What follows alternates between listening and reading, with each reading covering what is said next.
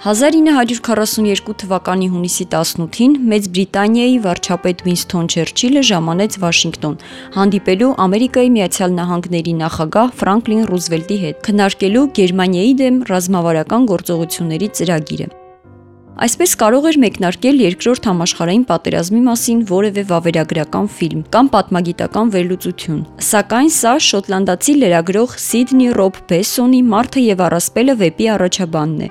հասարակ ընտանիքի կիրթ եւ ազնիվ երիտասարդի մասին, որը դառնում է պատմության ամենանշանավոր ստեղծագործողներից մեկը։ Ինչպես Բեսոնն է շարունակում, նույն ժամանակ Լիվերպուլի Ուոլթոն հիվանդանոցում Մերի Պատրիսիայի եւ վաճառական Ջիմ Մաքարտնիի ընտանիքում ծնվում է առաջնեկը՝ Ջեյմս Փոլ Մաքարտնին։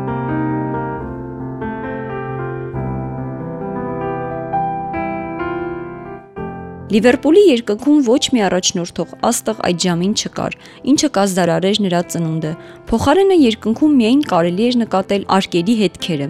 Այսպես է սկսվում խոշորագույն երաշտի երկրային ուղևորությունը։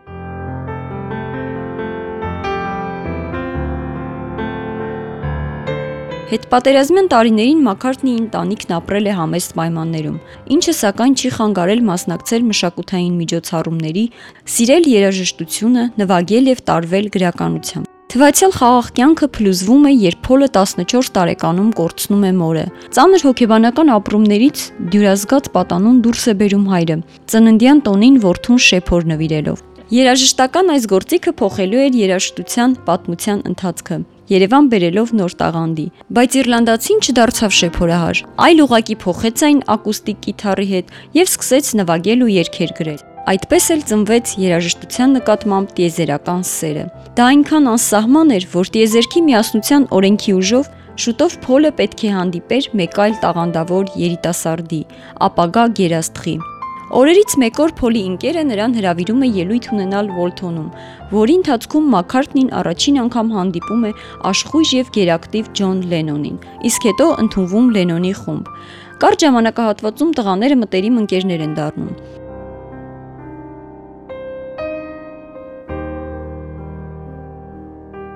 Ինչպես միշտ, տիեզերքը ներդաշնակ է եւ կենսունակ միասնության մեջ։ Մաքարտնին եւ Լենոնը նոր հորիզոններ էին նվաճելու, եւ շուտով նրանց միանալու էին նաեւ արևելքի փիլիսոփայությամբ եւ շնչով համակված Ջորջ Հարիսոնը եւ այդ շրջանում քիչ հայտնի Ռինգո Սթարը։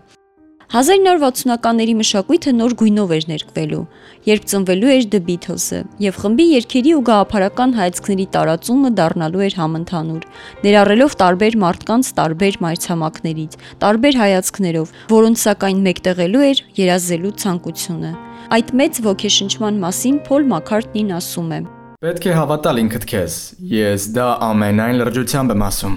քանի որ մենք The Beatles-ը հենց այդպես էլ վարվեցինք։ Ընկեր, Մենք հավատացինք ինքներս մեզ։ Մենք գիտեինք, որ մենք լավն ենք։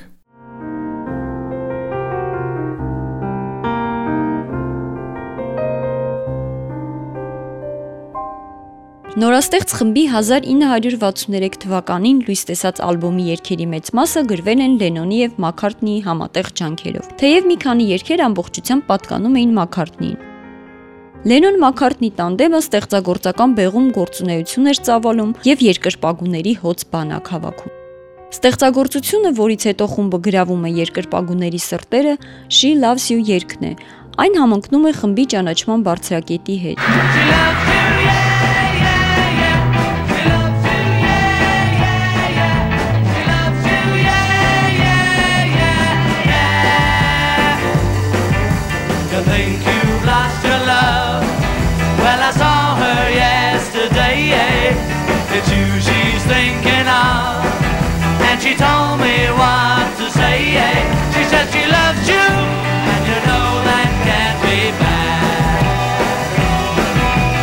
loves you, and you know you should be glad. Այս կոմպոզիցիան երկու ամիս շարունակում էր գլխավորել բրիտանական երաժշտական լավագույն շքերթները։ Դրանով էլ սկսվում է բիթլամանիան, Խումբն արդեն համերգներով էր հանդես գալիս Եվրոպայում, սպասվում էր խոշոր համերգային ծրագիր Միացյալ Նահանգներում։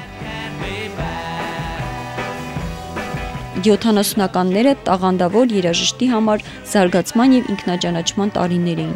Մաքարտնին շատ արագ դարձավ Լոնդոնի ջազ ակումբների, արվեստի պատկերասրահների եւ այլ մշակութային կառույցների մշտական այցելուն։ Իսկ երաժիշտների հետ հանդիպումները ոչ միայն նրան մեծ բավականություն էին պատճառում, այլև դառնում ստեղծագործական ոգեշնչման եւ երաժշտության մեջ նոր ժանրային առանձնահատկություններ ներմուծելու կարևոր գործոններ։ Գրական ստեղծագործություններն ու թատերական ներկայացումներն էլ ստիպում էին բանաստեղծական ելևէջներ կիրառել եւ երգերն ավելի խորը դարձնել։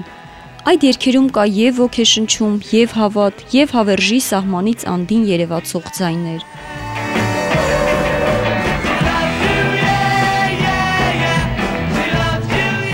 Մակարտնի հաջողության գրավական ազնվությունն է, ինչ ցանկանում է պատմել, պատմում է իր երաժշտության միջոցով։ Ամեն անգամ երբ ուզում է ինչ-որ բան ասել, երգ է գրում։ Եվ միշտ նվագում է այն երաժշտությունը, որին հավատում է։ Ասում է, երկրպագուները զգում են խափեությունը։.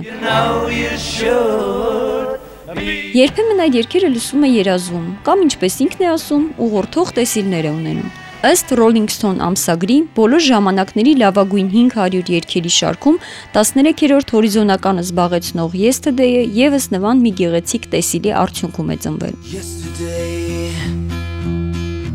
all my troubles seem so far away. Now it looks as though they're here to stay. Oh, I believe in yesterday. Suddenly, Not half the man I used to be. There's a shadow hanging over me. Oh, yesterday came suddenly.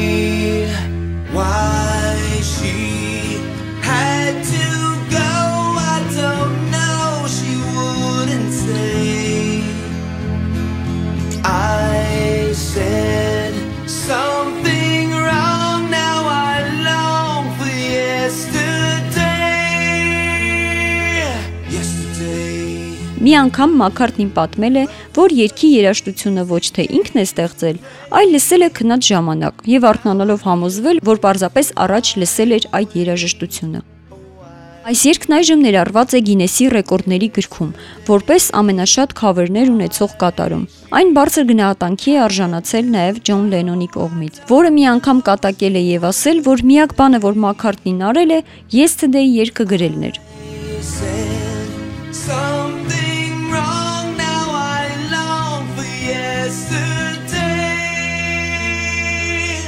Երազային տեսիլները համակում են նաև խմբի վերջին ալբոմն ու ձայնագրությունը։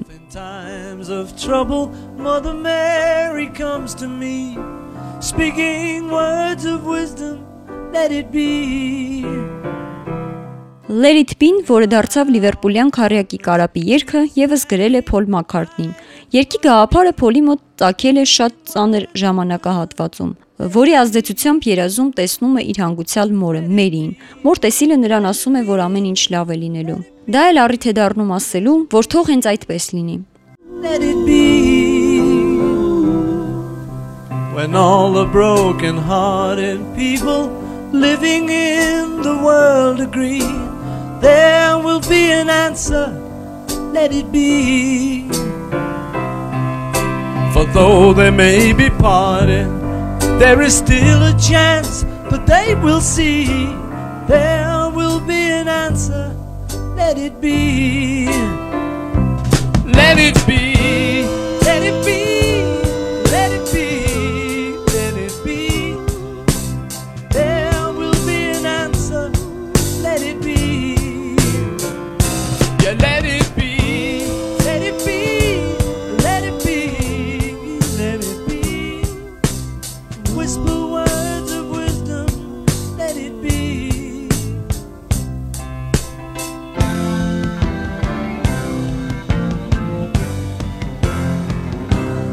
Beatles-ի փլուզումից հետո Փոլ Մակքարտնին հայտնվում է երկարատև դեպրեսիայի մեջ եւ երկար ժամանակ անցկացնում Շոտլանդիայի արևմուտքում։ Դեպրեսիայից հետո Մակքարտնին թողարկում է իր առաջին սոլո ալբոմը։ Այն 3 շաբաթ չէր իջնում բրիտանական չարթերի առաջին հորիզոնականներից, ինչից հետո Մակքարտնին իր նոր Wings խմբով հանդես է գալիս մինչև 1980 թվականը։ 1977 թվականը դառնում է երաժշտի սոլո կարիերայի լավագույն շրջանը։ Նրա վերջին սինգլը գլխավորում էր բրիտանական չարթերը։ Շուտով Մաքարտնին դառնում է մոլորակի ամենաբարձր վարձատրվող երաժիշտը։ Հաջողության արդյունքներն ու բերկրանքը վայելելը սակայն երկար չեն տևում։ Խմբի սիրահարների եւ ընդհանրապես երաժշտական աշխարհի համար մեծ կորուստ էր լեգենդար Ջոն Լենոնի ողբերգական սպանությունը, ինչն ավելի խորը հետք է թողնում ընկերոջ վրա։ Անկամ մինչ այսօր Մաքարտնին փաստում է, որ չի կարող հավատալ Լենոնի կորուստին։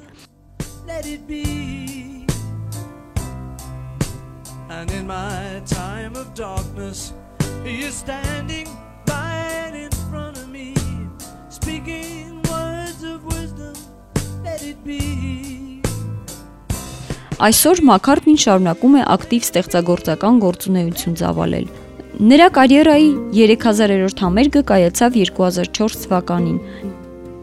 Այժմ տեխնոլոգիական նորամուծություններին մի փոքր դժվար, սակայն այնուամենայնիվ ինֆորմացիայի հարահոսության պայմաններում մի կերպ համակերպվելով Մաքարտնին անգամ բացում է սոցցանցերին նոր հաշիվներ եւ շարունակում է մեծ ողջավորությամբ ստեղծագործել։ and she was right. This love of mine, my Valentine. Մեր օրերի ստեղծագործական ամենավառ վկայություններից է օրինակ My Valentine երգը, որը գրել է 2012 թվականին իր երրորդ կնոջ Նենսի Շևիլի համար։.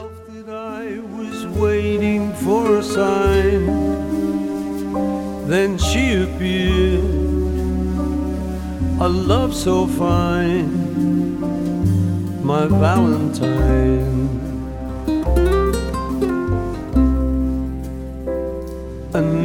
Will love her for life. And I will never let a day go by without remembering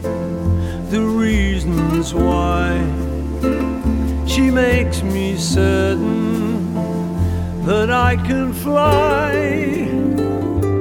And so I do without a care. I know that someday soon the sun is gonna shine and she'll be there. This love of mine, my Valentine.